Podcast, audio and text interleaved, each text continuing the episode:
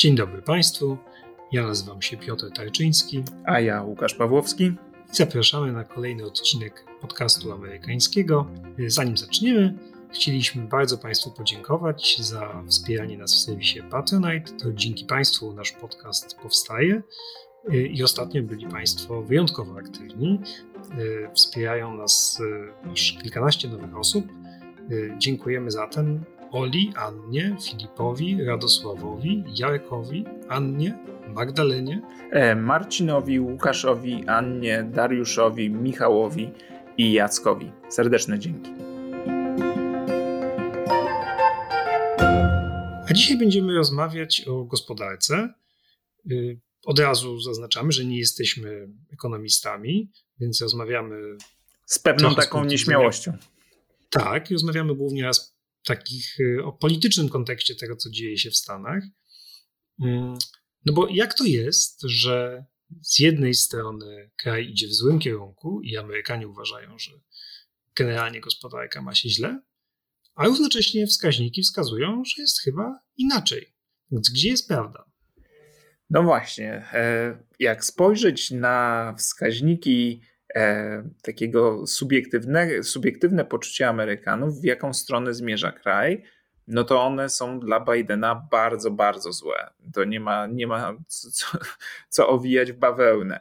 E, w najnowszym sondażu e, YouGov, takiej pracowni badawczej dla ekonomista, e, dla tygodnika Economist ze stycznia, tam 61% ankietowanych uważa, że kraj zmierza w złym kierunku, a tylko 26% że w dobrym. I nawet wśród demokratów e, połowa uważa, że kraj zmierza w złym kierunku. Wśród republikanów e, ten odsetek jest oczywiście wyższy. 84% republikanów mówi, że jest źle. E, I też Amerykanie źle oceniają stan gospodarki. W, w, tym samym sondażu tylko 24% uważa, że gospodarka ma się świetnie lub dobrze, natomiast 68% sądzi, że jest przeciętnie lub źle. No i oczywiście wśród republikanów i konserwatystów te nastroje są jeszcze gorsze. Inne sondaże nie są wcale bardziej dla Bidena łaskawe. W takim sondażu dla stacji CNBC 60% respondentów e, powiedziało, że nie podoba im się to, jak e, Biden radzi sobie z gospodarką, a jeszcze e, gorsze dla Bidena jest to, że 58% w tym samym sondażu stwierdziło, że nie podoba im się to, jak radzi sobie z kwestią zatrudnienia, z kwestią bezrobocia. Dlaczego to jest jeszcze gorsze dla Bidena i jeszcze ciekawsze, to wrócimy do tego sondażu później. E, a ocenę tych, tę ocenę stanu gospodarki potwierdzają też badania nastrojów konsumenckich. E, I jest taki Michigan Index of Consumer Sentiment, na który media amerykańskie i ekonomiści na czele chociażby z Polem Krugmanem się powołują. E, I on również spada do poziomów z czasu początku pandemii, kiedy daleko jeszcze było do e, szczepionek, kiedy rządził Trump, kiedy mm, odrzucał w ogóle powagę sytuacji e, i te nastroje w tej chwili są mniej więcej takie jak, jak wówczas. No więc pytanie, czy Amerykanie mają ku temu powody, żeby być tak pesymistycznie nastawionym, nastawionymi do, do sytuacji w kraju? No, rzeczywiście problemy są, nie da się ukryć. Problemem jest inflacja. Tak, inflacja, która w grudniu tego roku sięgnęła 7%. I to wynik najwyższy od Pamięta? Od 1982 roku. Czyli początku prezydentury Reagana i, jak wyczytałem w jakimś artykule, e, był to również rok premiery E.T. Czyli rzeczywiście dawno, dawno temu Drew Barrymore była malutka, kiedy inflacja e, była równie wysoka jak e, obecnie. A we wspomnianym sondażu YouGov na pytanie, co jest y, ważniejszym problemem y, obecnie y, w kraju, czy inflacja, czy bezrobocie, 43% ankietowanych stwierdziło, że inflacja, tylko 11%, że bezrobocie. Więc widać, że Amerykanie zwracają na to uwagę i słusznie, bo jak sprawdziłem, ceny wielu produktów, na przykład benzyny, poszły do góry znacząco. To jest coś namacalnego, zauważalnego. I, i pod, wiesz, kilka takich produktów sobie wypisałem, które które muszą zwracać uwagę konsumentów, czyli ceny używanych samochodów poszły w górę o 37%, e, jedzenie 6,3%, ale już mięso 12%, hotele 27%, e, prąd ponad 6%. Więc być może to są zauważalne rzeczywiście wzrosty rachunków. Nie wiem, czy hotele są aż tak istotne, ale na przykład czynsze wzrosły o 4% i to jest największy wzrost roczny od 2007 roku. No i przede wszystkim koszty paliwa. Paliwo jest bowiem mhm. droższe aż o 58% y, niż rok wcześniej. No i oczywiście inflacja najsilniej dotyka biednych, którzy na takie towary podstawowe wydają po prostu największy odsetek swoich dochodów. No bo y, najbiedniejsze 20% Amerykanów na mieszkanie wydaje, proszę Państwa, 83% swoich dochodów. Jeszcze raz, powtórz mi to, bo nie zrozumiałem. Najbiedniejsza jedna piąta Amerykanów na samo mieszkanie wydaje 83% tego, co zarabia. No ale to nie, nie można wyżyć wtedy, jeżeli 80%. Nie można, więc się musisz zadłużać albo pracować ponad siły. Jedzenie drożeje, przy czym dodajmy, że najwolniej drożeje jedzenie organiczne, tak zwane, czyli droższe ekologiczne jedzenie, mm, którym żywią się głównie zamożniejsi, a szybciej drożeje tanie i mniej zdrowe jedzenie, y, produkty, którymi żywią się biedniejsi. No więc oczywiście dla najbiedniejszych Amerykanów wydanie nagle 20 dolarów więcej na paliwo czy jedzenie to jest y, zauważalny wydatek, no i zmieniający zupełnie jakość życia. No i teraz y, to raz, to na pewno ma, po prostu ludzie to dostrzegają, widzą to w portfelach, chociaż jest pewne zastrzeżenie, wrócimy do tego później, no bo rośnie inflacja, ale rosną też pensje. Pytanie, czy wystarczająco szybko.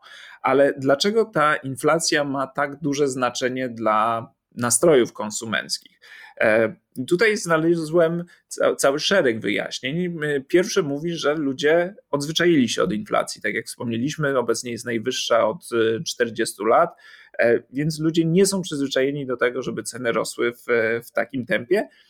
No a ceny benzyny, jeżeli rosną, to jest coś, co ludzie łatwo zauważają, zwłaszcza w Stanach Zjednoczonych, gdzie każdy niemal musi poruszać się samochodem, więc jeżeli paliwo kosztuje 2,5 dolara za galon albo 3,5, no to to jest e, wyraźna, wyraźna różnica. E, znalazłem też takie wyjaśnienie, że ludzie w ogóle do problemu inflacji to jest też ciekawe w kontekście polskim, ale że ludzie do problemu inflacji podchodzą bardzo emocjonalnie. W New York Timesie y, powoływano się na takie badania ekonomisty, noblisty Roberta Schillera z lat 90., który y, przekonywał, że to wywołuje takie poczucie niesprawiedliwości, braku kontroli i takiego generalnego zgorzknienia e, wyższe niż to by wynikało z realnych ekonomicznych skutków. Więc jak gdyby jest jakiś naddatek emocjonalny w tym, jak ludzie reagują na inflację. Taka była tam teza. Mm, no i ma to także znaczenie inflacja, jedną z przyczyn tego, tego stanu rzeczy jest fakt, że łańcuchy dostaw, na których opiera się amerykańska gospodarka, nie wróciły do, do poprzedniego stanu. E, New York Times pisał jeszcze w listopadzie, że dostarczenie produktów z chińskich fabryk do amerykańskich magazynów zajmuje dziś średnio 76 dni, a wcześniej dwa lata temu było to 43 dni. E, no a skoro towarów jest mniej, no to ceny tych towarów idą w górę. No tak, no problemy z dostawami to jest rzeczywiście wciąż y, główna przyczyna inflacji, tak przynajmniej twierdzi Biały Dom. Y, po prostu wysoki jest y, popyt, niska podaż. Biden zapewnia, że inwestycje w infrastrukturę, czyli to, co udało się przepchnąć przez kongres w, w ubiegłym roku, czyli rozbudowa m.in. portów, lotnisk, dróg i mostów, pomoże wzmocnić e, podaż poprzez rozładowanie tego wąskiego gardła w łańcuchach dostaw, no ale oczywiście to potrwa, zanim te rzeczy zostaną zmodernizowane czy zbudowane. Na razie się stosuje takie metody ad hoc, to znaczy na przykład port w Los Angeles, który jest e, jednym z głównych portów e, handlowych Stanów Zjednoczonych, działa całą dobę, bo statki czekały na rozładunek całymi dniami. No ale oczywiście to nie zmienia faktu, że y, problem z łańcuchem dostaw jest nie tylko w Stanach, ale jest z, na przykład w Azji, tak? Fabryki w Azji mają przestoje. Y, to jest dość proste. Znaczy, jeśli fabryka na przykład na Tajwanie nie dostarcza półprzewodników, no to nie produkuje się później, nie wkłada się ich tam, gdzie się powinno je włożyć, nie wiem, w auta na przykład. Więc firmy wynajmujące auta rywalizują o auta, no bo jest za mało aut na rynku. No i stąd na przykład masz ceny używanych samochodów, które skaczą do góry, no bo firmy y, ich potrzebują. No i co paradoksalne, ceny używanych aut y, sięgają, są takie same jak ceny aut nowych w tej chwili, więc to jest kompletne, kompletnie absurdalne. No jeszcze do tego dochodzi problem z koncentracją przemysłów, to znaczy jak masz mało producentów, y, bo firmy się konsolidują, no to jeśli jedna firma czy jedno przedsiębiorstwo, jedna korporacja nie domaga, no to nie domaga cały rynek. I też jest tak, że łańcuch dostaw był y, wiązany postronkami jeszcze przed pandemią. To ja czytałem, że to nie są. To nie jest tak, że pandemia spowodowała problemy z dostawami. To jest już problem, który pojawiał się w amerykańskiej gospodarce od czasu do czasu, ale pandemia po prostu położyła taki nacisk i, i, zmieniła sytuację i coś, co było problemem już wcześniej, na przykład niedobory kierowców, mm, po prostu stało się teraz bardzo, bardzo poważnym problemem. W Stanach brakuje, jak czytam, 80 tysięcy kierowców, a transport w Stanach Zjednoczonych w 3 czwartych oparty jest na ciężarówkach. No i znowu, nie jest to nowe zjawisko, ale problem zrobił się kolosalny. Tak, to jest ciekawe, no bo jak y, powiedziałeś, że te statki na przykład oczekują na rozładowanie, no to robi się wielki korek, y, te kontenery nie mogą wrócić y, do fabryk, żeby wziąć nowe towary i wyczytałem e, w, to jeszcze w październiku pisał The Atlantic, że ceny wynajmu kontenerów poszybowały wielokrotnie. Cena wynajmu przed pandemią e, takiego kontenera to mniej więcej 2,5 tysiąca dolarów, a obecnie, czyli w październiku zeszłego roku, 25 tysięcy dolarów, czyli dziesięciokrotny wzrost. No właśnie dlatego, że nie mogą się te statki rozładować, popyt jest duży mm, i powstają te wąskie gardła, ale to też jest, mm, pokazuje że to jest z jednej strony proste, tak jak powiedziałeś, no jest duży popyt, mała podaż, ale z drugiej strony problem jest bardzo złożony, bo e, nie, nie, żeby rozładować ten port w Los Angeles chociażby, no to trzeba by zainterweniować na rynku chociażby kierowców. A to już jest złożona sprawa. Dlaczego ci ludzie nie chcą e, do, do, do pracy wracać i dlaczego to, to przestało być atrakcyjna forma zatrudnienia? Nie? Z jakiego powodu nagle tych 80 tysięcy kierowców brakuje, bo to jest ciekawe, że ich brakuje nie dlatego, że nie ma ludzi, którzy mają uprawnienia do kierowania ciężarówkami, tylko dlatego, że ci ludzie nie chcą pójść e, do tej pracy. No, zapytałeś, dlaczego nie chcą do niej wracać? No dlatego, że to nie jest przyjemna praca. No to, to wszyscy są zgodni, że praca kierowcy jest pracą ciężką, mało satysfakcjonującą, spędzasz dużo czasu w drodze, z dala od rodziny i jeszcze nie zarabiasz dużo. No, to nie jest y, dream job dla nikogo. I, i, te, I te niedobory kierowców, to, to też warto zaznaczyć, to nie jest tylko specyfika Stanów Zjednoczonych. Słyszeliśmy o nich na przykład w Wielkiej Brytanii przy okazji tego, że próbowano, czy rząd brytyjski próbował jakoś nakłaniać migrantów, e, między innymi z Polski, do tego, żeby wrócili do Wielkiej Brytanii i tam przynajmniej czasowo pracowali. Tam przypisywano to po części Brexitowi. No w Stanach Zjednoczonych Brexitu nie było, ale problem jest e, podobny. E, no i te wszystkie kłopoty, te wszystkie dane, które przytoczyliśmy, no to są dość twarde liczby, które pokazują rzeczywiście, gospodarka amerykańska ma, ma problemy i jest, y, są powody do tego, żeby być niezadowolonym. No i co oczywiście cieszy partię republikańską. Y, ostatnio któryś y, polityk republikański, nie pamiętam już który, ale powiedział to, czego właściwie nie wypadałoby mówić głośno, ale on się przyznał, że no wysoka inflacja to jest rzeczywiście problem dla kraju, ale dla nas, republikanów to jest żyła złota przed wyborami w 2022 roku. Żyła złota, to takie określenie znamy też z Polski. Czyste złoto to było, że jak są jakieś kłopoty, to niekiedy dla rządu, e, u nas to akurat było dla rządu, to jest czyste złoto. Ale dobrze, e, w, ale są też dane, i to, jest, to się zaczyna robić dopiero ciekawie, które pokazują, że amerykańska gospodarka ma się bardzo dobrze. I tutaj i, I dlatego też zrobiliśmy ten odcinek, bo właśnie na tym polega ten paradoks, bo z drugiej strony mamy chociażby dane dotyczące bezrobocia, które spadło do poziomu 3,9%. Tymczasem jak czytałem w, z kolei w New Yorkerze, Biuro Analiz Budżetowych Kongresu, Congressional Budget Office, czyli taka niepartyjna instytucja zajmująca się analizami gospodarczymi, jeszcze w lutym zeszłego roku przewidywała, że bezrobocie spadnie poniżej 4% dopiero w pierwszym kwartale, uwaga, 2026 roku, czyli za 4 lata. No więc wynik znakomity. Wzrost PKB jest najlepszy od 1984 roku. W 2021 roku wyniósł ponad 5,5%. I czytam, że w tym roku również niektórzy ekonomiści przewidują, że będzie to powyżej 4%, więc całkiem, całkiem dobrze. Biały Dom. To co całkiem dobrze? Najlepiej od 1984 roku. To już ja byłem na świecie wtedy. Ja jeszcze nie.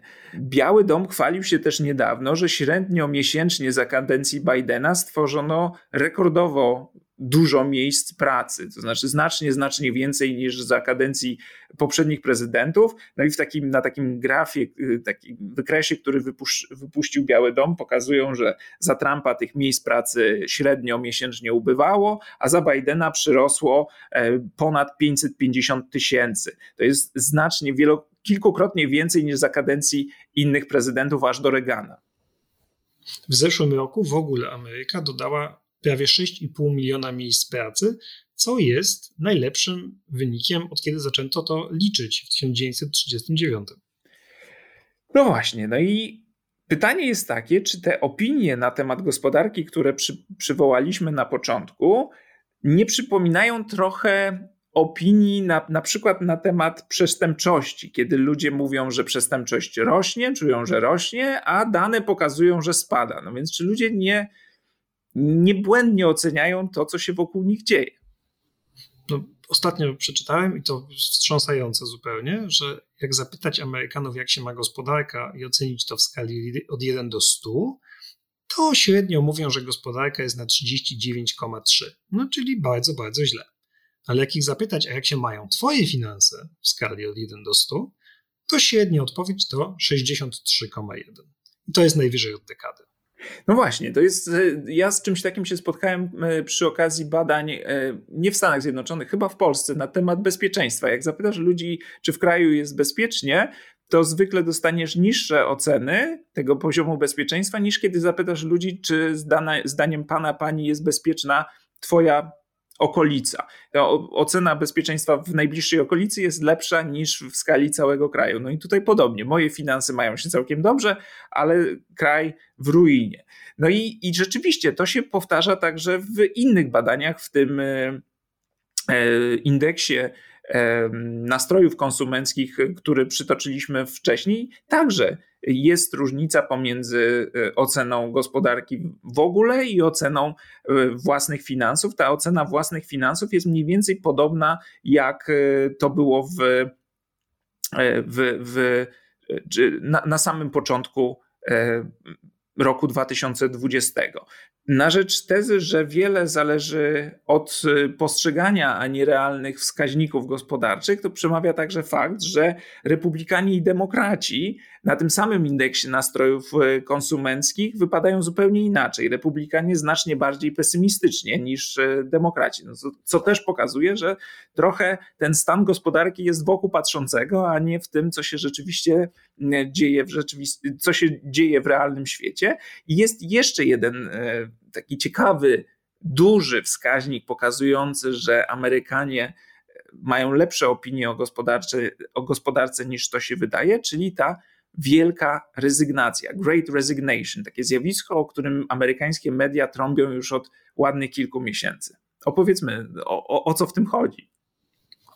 Termin ten y, zaproponował taki profesor z Teksasu, profesor Anthony Klotz w maju 2020 roku. Przewidział, że nastąpi właśnie wielka rezygnacja, e, że ludzie zaczną odchodzić z pracy i wcale nie będą się kwapić do tego, żeby do pracy wracać. No i faktycznie, najpierw było ogromne bezrobocie, no bo COVID sprawił, że ludzi pozwalniano, zwłaszcza w takich branżach no, usługowych, albo szczególnie w branży tak zwanego hospitality, czyli restauracje, hotele, bary, agencje podróży i tak dalej. Z pracy odeszły miliony Amerykanów, Mm. No tylko, że jak koniunktura zaczęła wracać i firmy zaczęły znowu zatrudniać, no to się nagle okazało, że wielu Amerykanów wcale nie kwapi się do powrotu na stanowiska, które zajmowali wcześniej. Czyli mamy do czynienia z taką sytuacją, że bezrobocie mamy niskie, e, właściciele firm ciągle narzekają, że nie mogą znaleźć pracowników lub nie mogą utrzymać pracowników, I wciąż y, wielu Amerykanów y, albo nie chce wracać do pracy, albo, albo odchodzi. Kiedy ty powiedziałeś, że miliony odchodzą, to bodaj w kwietniu to było 4,2 miliona, a później w sierpniu ten wskaźnik jeszcze podskoczył do 4,5 miliona Amerykanów, którzy zrezygnowali, samodzielnie zrezygnowali e, z pracy, i to są wskaźniki najwyższe od y, czasu, kiedy kiedy, kiedy to zaczęto mierzyć na początku tego wieku, czyli od roku 2000. No i jest tak, jak mówiliśmy, brakuje kierowców e, ciężarówek, brakuje też kierowców autobusów. W związku z tym, na przykład, niektóre trasy autobusowe w miastach e, amerykańskich po prostu są skrócone. Restauracje pracują krócej, ponieważ brakuje kelnerów czy basbojów.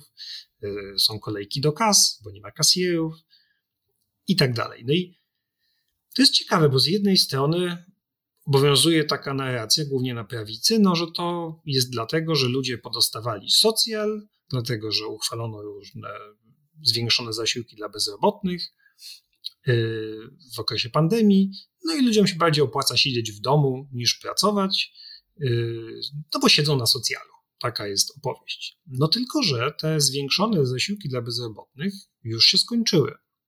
Skończyły się we wrześniu bodajże a sytuacja wcale się nie zmieniła. To znaczy, ludzie dalej nie wracają do pracy. Przy czym to jest właściwie źle powiedziane. Nie, nie wracają do pracy, nie wracają do dawnej pracy, do tych miejsc, które zajmowali wcześniej.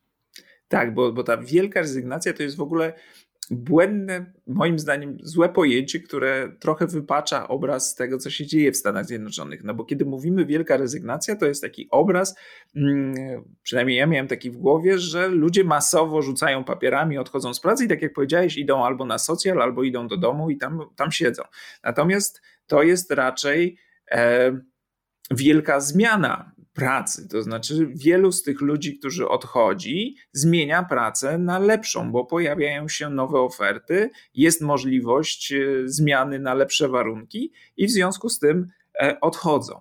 Mm, jest też taka opowieść, która mówi, że to pandemia sprawiła, że ludzie inaczej spojrzeli na swoją relację z pracą, inaczej oceniają swoją rolę w pracy, inaczej inne mają priorytety życiowe. I ja mam takie wrażenie, że część komentatorów chce pokazać, może trochę na siłę, że jakaś dokonała się taka rewolucja mentalna u ludzi, że inaczej patrzą na kapitalizm, na stosunek do pracy i tak dalej. No ale z tym, z taką oceną jest pewien problem. Znaczy, do powodów jest wiele i jak każdy, kto mówi, że jest jeden powód y, tej wielkiej rezygnacji, żeby już użyć tego terminu, to, to nie ma racji. Jak zazwyczaj, kiedy ktoś mówi, że jest jedno proste rozwiązanie skomplikowanego zjawiska. No bo z jednej strony to rzeczywiście jest pewnie psychologia i chęć jakiejś zmiany życia i przewartościowania i, i tak dalej. Z drugiej strony jest też tak, że y, ludzie mają oszczędności, częściowo z powodu programów antykowidowych y, rządowych, tej tarczy, amerykańskiej tarczy antykowidowej. W związku z tym mogą sobie pozwolić na to, żeby nie wracać do pracy od razu. Ale jest też tak, że niektórzy rzucili pracę, bo na przykład musieli zająć się dziećmi, dlatego że szkoły są zamknięte, i, a tego nie miał kto zrobić za nich.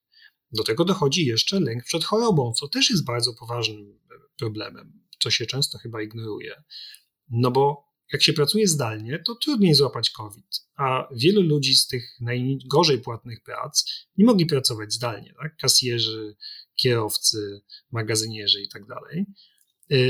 Co też wskazuje, że najwięcej jest odejść wśród ludzi y, starszych, znaczy pracowników tam powyżej chyba 45 roku życia. I oni po prostu najbardziej boją się choroby, w związku z tym nie wracają do pracy, do takiej pracy, jaką wykonywali wcześniej, bo boją się zarażenia COVID-em. Ale do tego jeszcze dochodzi kolejny powód, który wydaje mi się najciekawszy, to znaczy ludzie odchodzą z powodu złych warunków pracy. I w trakcie pandemii wielu pracowników zostało uznanych za tak zwanych essential, czyli że oni nie mogą prostu przerywać pracy, bo bez nich gospodarka się zawali. Ale nie szło za tym docenienie finansowe, szła za tym złość, rozczarowanie, frustrację na arogancję szefostwa i tak dalej. I niektórzy po prostu wybrali odejście z pracy albo po prostu niewracanie z tego przymusowego urlopu pandemicznego, czy z tego przymusowego zawieszenia, bo po prostu praca wcześniejsza była ryzykiem dla ich zdrowia fizycznego, psychicznego, była po prostu toksyczna i nie do zniesienia. To jest trochę tak, że y, nie podoba ci się określenie wielka rezygnacja, więc proponuję określenie profesor Betsy Stevenson z Uniwersytetu w Michigan, która mówi, że teraz mamy gospodarkę typu wsadź sobie tę pracę w dupę. Że to jest y, takie podejście. Że nie chodzi tylko o pensję, ale o podejście do pracownika. Że gdyby na przykład ci te wszystkie firmy, czy może nie wszystkie, no ale niektóre z firm, które nie mogą znaleźć rąk do pracy, zaoferowałyby lepsze warunki, nie tylko pensje, ale na przykład elastyczne godziny pracy, lepsze dodatki i tak dalej, to by te prace znalazły. I są różne przykłady, które pokazują, że firmy, które zmieniły swoje podejście do pracownika, które inaczej traktują pracowników, mają mniejsze problemy ze znalezieniem rąk do pracy.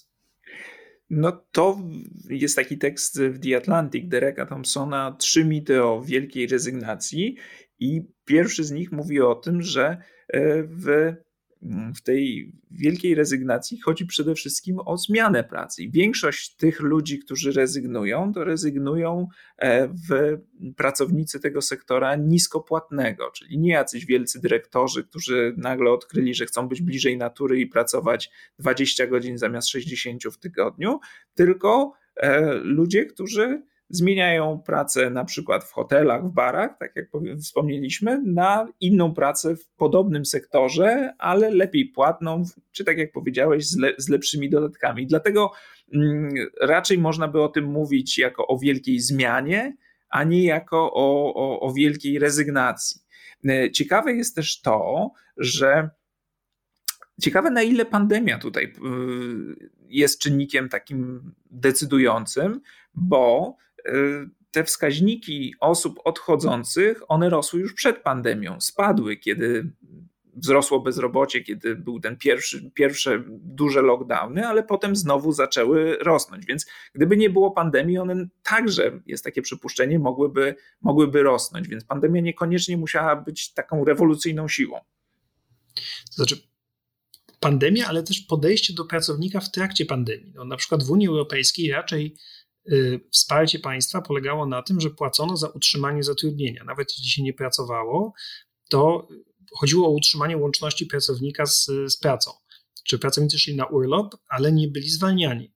A w Stanach po prostu się pracowników zwalniało i w związku z tym nic dziwnego, że ci ludzie jakby mieli poczucie zrywania łączności i to nie był powrót do pracy, do stanowiska, na którym się jest wciąż zatrudnionym, tylko decyzja o ponownym zatrudnieniu. No, to rzeczywiście sprzyja jakiejś ewaluacji i zastanowieniu się, czy na pewno chcesz wracać do pracy, gdzie cię wszystko boli, szef traktuje cię jak śmiecia, a jeszcze klienci y, się do tego dokładają, bo to też jest coś, co się pojawia często. O tym, że pracownicy, zwłaszcza tego sektora hospitality, byli zmęczeni i sfrustrowani postawą klientów, wściekłych na to, że muszą dłużej czekać na dostawę, że muszą dłużej czekać na, nie wiem, podanie jedzenia w restauracji, bez mniej kelnerów i tak dalej, i tak dalej. Naprawdę nam się w Europie, w Polsce często mm, nie chce wierzyć, jak toksyczne bywają środowiska pracy w Stanach Zjednoczonych i różne rzeczy, które y, u nas wydają się po prostu barbarzyństwem, w Stanach są zupełną normą. Znaczy, a do tego jeszcze oczywiście dochodzi to, o czym Państwu mówimy w podcaście, to znaczy y, niska płaca minimalna, mało urlopu, brak gwarantowanych zwolnień lekarskich, macierzyńskich i tak dalej, i tak.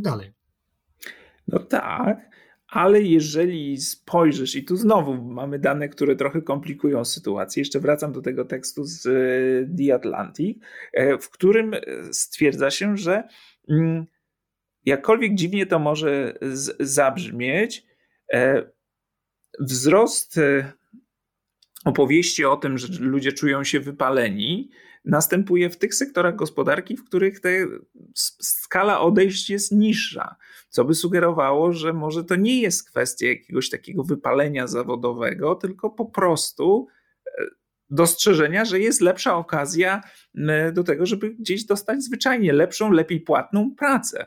I to jest także jak gdyby wskaźnik pokazujący, że ludzie mają pewną pewne poczucie, że ta gospodarka będzie się dobrze nadal rozwijać. No bo jeżeli gospodarka ma się źle e, i wszystko dookoła się ciebie wali, to trzymasz się jakiejkolwiek pracy, jakakolwiek by ona nie była, żeby cokolwiek zarobić, bo nie masz wiary w to, że jak zrezygnujesz z niej, to znajdziesz inną. A tutaj ludzie w sondażach mówią, że wierzą w to, że są w stanie znaleźć inną, lepszą pracę, no co wskazuje na to, że dość optymistycznie patrzą w przyszłość. No i niskie wskaźniki bezrobocia pokazują, że te prace znajdują. I jeszcze jedna rzecz, którą, e, na którą warto zwrócić uwagę, właśnie, że to niekoniecznie musi być tylko i wyłącznie e, sprawa, sprawa pandemiczna. To część ekonomistów zwraca uwagę, że w tym momencie, kiedy pandemia spowodowała lockdown, no i siłą rzeczy ludzie nie rezygnowali z pracy, bo jeżeli ją mieli, no to się jej trzymali albo byli wyrzucani, no bo zamykano całe przemysły, e, całe gałęzie, przepraszam, przemysłu, e, no to fakt, że przez pewien moment ludzie nie rezygnowali z pracy, doprowadził do odłożenia tej decyzji o zmianie zatrudnienia. No więc w tym momencie odchodzą z pracy zarówno ludzie, którzy dziś podjęli tę decyzję, jak i tacy, którzy chcieli odejść z pracy już dawno, ale wstrzymywali się z decyzją o odejściu, no bo w w tych czasach większej niepewności po prostu bali się z pracy e, rezygnować. No do tego dochodzi jeszcze ta cała grupa, o której Piotr wspominał, czyli tych starszych osób, które faktycznie w obliczu pandemii mogłyby podjąć decyzję o tym, że lepiej iść na wcześniejszą emeryturę niż ryzykować kontakt z, z ludźmi i ryzykować zakażenie.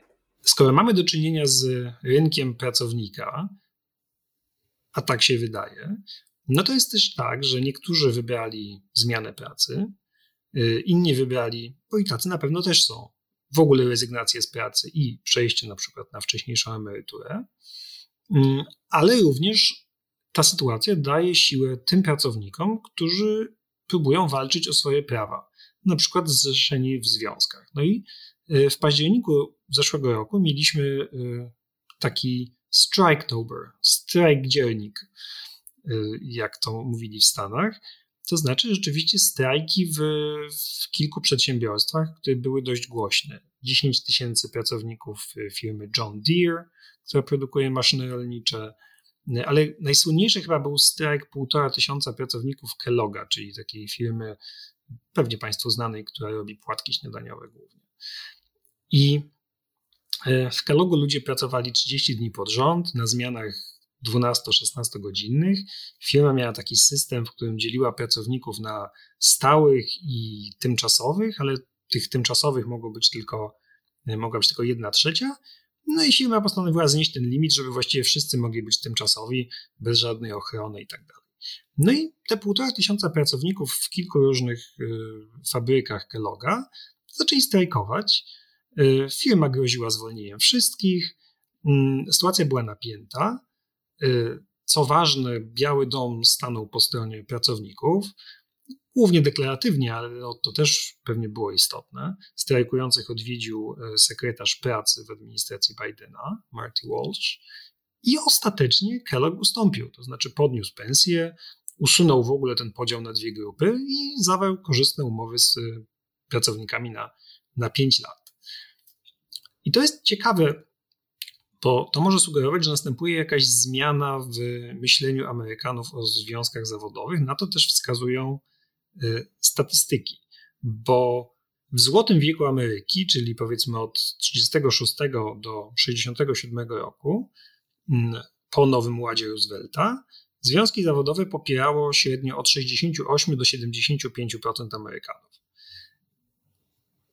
Potem zaczęły mieć złą prasę, popularność zaczęła spadać, ludzie zaczęli, uważali, że związki są skorumpowane, że oznaczają utratę pracy i rzeczywiście członkostwo w związkach zawodowych zaczęło, zaczęło spadać.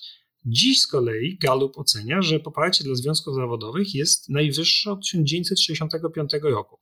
68% Amerykanów y, ma korzystną opinię o związkach zawodowych i znowu mamy do czynienia z podziałem między wyborców dwóch partii. Uważa tak tylko połowa republikanów, ale to jest i tak dużo połowa republikanów ma dobre zdanie o związkach zawodowych, a wśród demokratów aż 90%.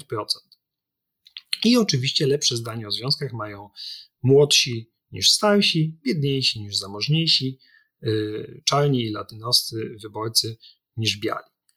Ostatnio mieliśmy do czynienia z taką sytuacją, że na przykład w Starbucksie zorganizowano dwa związki zawodowe. Były związki zawodowe w Starbucksie w latach 80., potem przestały istnieć, ale teraz w dwóch udało się zorganizować związki zawodowe. Amazon walczy ze związkami. W Alabamie próbowano w jednym z magazynów y, Amazona w Alabamie próbowano z, zawiązać taki związek. Amazon manipulował, naciskał, żeby taki związek nie powstał. Wreszcie udało się doprowadzić do wyborów, no ale pracownicy zdecydowali się przeciw. Natomiast y, podobno to głosowanie ma być powtórzone. Czyli widać, że jest y, zmiana, jest to zmiana pokoleniowa podejściu do związków zawodowych. Y, no i na pewno pomaga też to, że w Białym Domu jest administracja zasadniczo związkom zawodowym przychylna w odróżnieniu od poprzednich administracji. Czy Biden wprost mówi, że popiera związki i, mm, i jakby popiera pracowników chcących się, chcących się zrzeszać. No wiesz, no, ale nawet gdzie, tam, gdzie nie powstają związki zawodowe, bo no, to nie jest chyba też tak, że jak powstanie związek, to od razu jest lepiej, nie? E, siłą rzeczy. E, tylko, że ten rynek pracownika sprawia też, że nawet tam, gdzie związków nie ma, jak na przykład w Amazonie, to już kiedyś o tym wspominaliśmy i ta tendencja się utrzymuje, że te płace e, rosną. To znaczy, firmy muszą po prostu ludziom płacić więcej, żeby ich do siebie ściągnąć. Czy to, nie jest, to oczywiście nie jest tak, że związki gwarantują, że jest lepiej od razu, natomiast y, dane statystyczne pokazują, że lepiej być w związku niż w związku nie być. Choćby jeśli chodzi o y, bezpieczeństwo pracy. W Stanach mamy teraz do czynienia z taką sytuacją, że y, dużo stanów, zwłaszcza stanów południowych, ma tak zwane prawa do, prawo do pracy. To jest bardzo zręczny PR-owy termin, który brzmi fajnie, wszyscy chcą mieć prawo do pracy. A to są takie ustawy, które zasadniczo ograniczają możliwość działania związków zawodowych. One zostały wprowadzone po 1946 y, roku, kiedy republikański kongres wprowadził taką ustawę Tafta-Hartleya, która bardzo ograniczyła rolę związków zawodowych, rozbudowaną wcześniej za Roosevelta. No i po tej ustawie różne południowe, konserwatywne Stany zaczęły wprowadzać to prawo do pracy. E, no i oczywiście różnica jest widoczna. Dzisiaj w związkach zawodowych w ogóle jest tylko 11% Amerykanów, czyli dużo, dużo mniej niż kiedyś. E, no ale na przykład w Nowym Jorku to jest ponad 20%, w Kalifornii to jest 16%, a na południu, w Stanach Południowych to prawie w ogóle. No w Teksasie do związków należy 5% pracowników, na Florydzie 6%, e, w tej Alabamie pewnie też coś koło tego.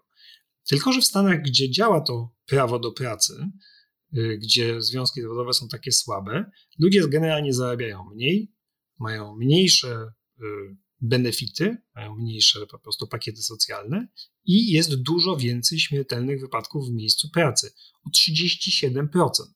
Innymi słowy, prawo do pracy bardzo często oznacza prawo do tego, żeby stracić rękę w trakcie pracy albo w ogóle zginąć. Ostatnio mieliśmy do czynienia na przykład z katastrofą w Kentucky, gdzie w trakcie tornada zawalił się dach, zginęło ośmiu pracowników fabryki. Y, sprawa jest badana, ale wydaje się, że stało się tak dlatego, że kierownictwo zakazało przerywać pracę, mimo że było zagrożenie tornadem i wiadomo było, że sytuacja jest niebezpieczna. Zaczęło grozić zwolnieniami tym, którzy chcieli odejść y, po prostu od stanowiska pracy. No i Kentucky oczywiście jest jeden ze stanów, gdzie istnieje prawo do pracy.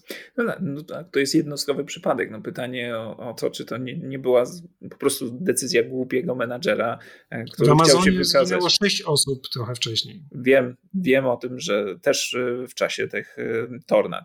No to to pokazuje, że ten rynek pracy, jeżeli się zmieniać będzie, to będzie się zmieniał powoli i może się także zmieniać niekoniecznie przez uzwiązkowienie, to chciałem powiedzieć, tylko właśnie poprzez lepsze warunki czy podnoszenie płac Amerykanom. No i to, to też byłoby pewnie dla, dla, wielu, dla wielu dobre.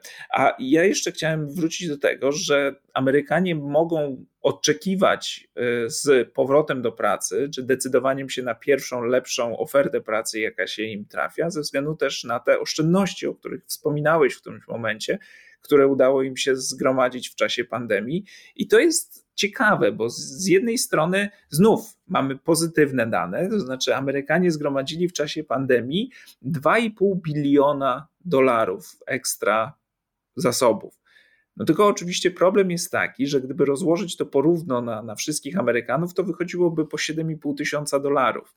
Ale to nie jest porówno, tylko wiadomo, że większość z tych pieniędzy trafiła do najzamożniejszych Amerykanów. I to jest ciekawe, bo to jest ciekawe też dla takiego lewicowego myślenia, wydaje mi się, że wiesz, masz masową pomoc y, skierowaną, która powinna była trafić do potrzebujących, a okazuje się, to czytam w w, w ekonomiście, że ona także y, przyczyniła się do, mogła się przyczynić do wzrostu nierówności. No bo większość z tego trafiła do, do ludzi zamożniejszych, y, znaczy Część trafiła do ludzi bardziej zamożnych. Ci ludzie zamożni nie musieli wydawać tych pieniędzy, tylko mogli je zaoszczędzić. Ci biedniejsi musieli je wydać.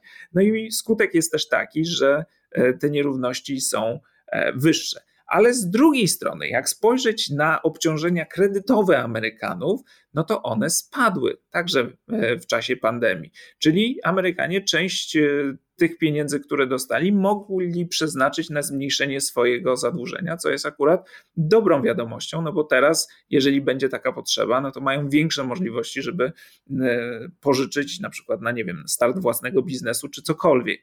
E, więc te dane dochodzące z amerykańskiej gospodarki są no, bardzo, bardzo niejednoznaczne. Z jednej strony wszystko wskazuje na to, że jest lepiej, ale subiektywne poczucie i niektóre wskaźniki gospodarcze, takie jak inflacja, pokazuje, że jest bardzo źle i pewnie Biden i jego administracja będą musieli za to zapłacić, bo nic nie pokazuje nam, żeby mogli, czy byli w stanie przekonać Amerykanów, że jest im lepiej niż, e, niż sami sądzą.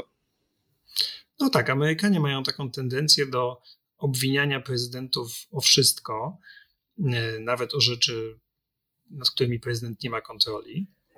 Wiesz, jak jest taka książka, gdzieś kiedyś czytałem, e, że e, badano wyniki chyba prezydenta Wilsona, Woodrowa Wilsona, i w okręgach, w których dochodziło do ataków rekinów, on miał niższe wyniki niż, uwzględniając jak gdyby wszystkie inne czynniki, które mogły na to wpływać, okazało się, że te ataki rekinów także wpłynęły na poziom poparcia dla prezydenta. I było niższy tak, tam, gdzie. Wyborach, tak, mówisz o wyborach w 1916 roku, kiedy y, doszło do ataków rekinów w New Jersey, y, co było zresztą potem inspiracją dla filmu Szczęki. Y, no i faktycznie Amerykanie obwinili później o, o ataki rekinów prezydenta Wilsona. To jest rzeczywiście dobrze zbadane, że, że to miało wpływ. No więc, a, a umówmy się, że jednak prezydent Wilson nie miał szczególnego wpływu na to, czy rekiny atakują plażowiczów w New Jersey, czy nie. Czyli chcemy powiedzieć to, że prezydent Stanów Zjednoczonych zwykle jest karany przez wyborców, e, jeżeli gospodarka ma się źle, lub ci wyborcy uważają, że gospodarka ma się źle, ale nie dostaje nagrody, kiedy gospodarka ma się dobrze. To znaczy, wyborcy oczekują, że będzie wszystko w porządku i za to prezydenta specjalnie nagradzają, ale jeżeli jest źle, no to wiedzą, do kogo się mają zwrócić i winią za to prezydenta. No, w tej chwili te nastroje w Stanach Zjednoczonych, jakby tak e, przejrzeć informacje, które docierają do przeciętnego obywatela na, na co dzień, to wydaje mi się, że muszą być e, kiepskie, no bo dowiadują się o tym, że w kongresie nic się nie udaje, że kłócą się albo demokraci z republikanami, albo demokraci wewnątrz e, własnego ugrupowania, że miał otrzymać pakiet e, Build Back Better, ale go nie dostanie, że pewne e, rozwiązania takie prosocjalne nie zostaną przedłużone, takie jak te mm, dodatki na dzieci, o których mówiliśmy. Dowiaduje się o tym, że w polityce zagranicznej jest kiepsko, może być wojna z Rosją, a w Afganistanie mm, jest fatalnie po tym, jak Amerykanie wyszli. No i właściwie nigdzie nie widać jakichś pozytywnych informacji, więc Biden musi za to odpowiedzieć. Ale o tym, że demokraci przegrają wybory w połowie kadencji, czyli wybory w listopadzie tego roku, no to już się zgodziliśmy i wszyscy są co do tego zgodni. E, oczywiście zawsze mogą jeszcze przegrać bardziej lub mniej. No i tutaj rola Bidena jest taka, żeby wreszcie zacząć wskazywać na pewne pozytywy, które udało mu się w minionym roku osiągnąć, no i na te osiągnięcia gospodarcze, o których mówiliśmy, znaczy zwracać uwagę na niskie bezrobocie, y, chociażby. No i tak było. No i próbował się tym chwalić. Jednego dnia mieliśmy takie, takie wystąpienie Bidena. Nie wiem, do ilu wyborców ono, ono dotarło, ale bodaj dwa dni później ogłoszono dane na temat inflacji, która okazała się właśnie najwyższa od 40 e, lat. I to wystąpienie Bidena na temat bezrobocia mm, zostało kompletnie przesłonięte. I zresztą, jako że bezrobocie nie jest problemem, bo pracę można znaleźć w Stanach w tej chwili dość łatwo, no to chwalenie się tym, że jest niskie bezrobocie, niespecjalnie do wyborców trafia, bo oni nie dostrzegają tego problemu, najzwyczajniej dlatego, że go nie mają, co widać było w, w statystykach, które przywoływaliśmy na początku. Problemem dzisiaj dla wielu wyborców jest inflacja i tym się martwią. Jeżeli ona nie spadnie, a wiele wskazuje na to, że błędne były założenia amerykańskiego banku centralnego, że jest to problem przejściowy, tylko że to problem, który jeszcze jakiś czas się utrzyma no to wówczas na pewno Biden zapłaci za to, za to cenę. To na koniec może podsumujmy, dlaczego Amerykanie są tak poirytowani. E, no oprócz tego, że dostają te informacje z mediów e, na różne tematy negatywne, o których wspomnieliśmy, no to przyczyny tego, tych, y, tego pesymistycznego oglądu świata, ja sobie wypisałem cztery. No, oczywiście wzrost cen, zwłaszcza paliw i fakt, że inflacja rodzi przekonanie, że rząd y, nad niczym nie panuje. Druga kwestia to jest kwestia partyjności, to znaczy warto pamiętać o tym, że Biden już na samym początku swojej prezydentury miał fatalne notowania wśród republikanów i to jest pewne nowe zjawisko w Stanach Zjednoczonych, że prezydent nie ma pewnego kredytu zaufania nawet na samym początku prezydentury ze strony swoich y, przeciwników politycznych. Ja sprawdzałem to niedawno i poparcie dla Bidena wśród y, republikanów zaczęło się od 12%, a po dwóch tygodniach spadło do 8%, po kolejnych dwóch spadło do 5%, więc to nie jest y, to, te oceny Bidena i jego polityki nie są złe, dlatego że polityka jest zła, tylko mm, przynajmniej u części wyborców one są złe jak gdyby z automatu. No, to samo było z, z Trumpem, uczciwie trzeba powiedzieć. To znaczy, Trump też nie zaczynał prezydentury z kredytem zaufania, no ale do tego się też przyczyniły wybory, w których zdobył mniej głosów w głosowaniu powszechnym. Ale faktem jest, że ostatnie dwie prezydentury to są prezydentury bardzo partyjne, to znaczy takie, w których część wyborców drugiej partii nie uznaje urzędującego prezydenta za prawdziwego prezydenta, właściwego prezydenta. Tak, ten miesiąc miodowy, który prezydent ma, jest coraz krótszy i, i, coraz mniej słodki. E, I wreszcie kolejna rzecz to są relacje medialne w ogóle na temat y, problemu inflacji. E, to znaczy, puste półki, straszenie niedoborami i takie, no wiadomo, że media muszą o tym opowiadać w sposób bardziej dramatyczny niż rzeczywiście przedstawia się sytuacja, więc e, to także może potęgować poczucie takiego zagrożenia, choć, jak powiedzieliśmy, niekoniecznie przekłada się na zachowania czy ocenę własnej sytuacji. No i wreszcie, jak czytam sobie opinie i artykuły na temat y, opinii wyborców nawet Partii Demokratycznej. No i to, to, to jest poważniejszy problem dla tej administracji, to jest takie poczucie marazmu, poczucie, że nic się nie udaje, poczucie, że tkwimy w miejscu i tak dryfujemy. E, I jeżeli to się połączy z wysokimi wymaganiami, o których wspomnieliśmy, które Amerykanie mają wobec prezydenta, no to tym, tym silniejsze jest e, rozczarowanie. No i na razie nic nie wskazuje na to, żeby ta sytuacja miała się jakoś dramatycznie zmienić. Czyli kończymy jak zawsze optymistycznie. Optymistycznie, oczywiście. Dziękujemy bardzo za dzisiaj i do usłyszenia za tydzień. Do usłyszenia.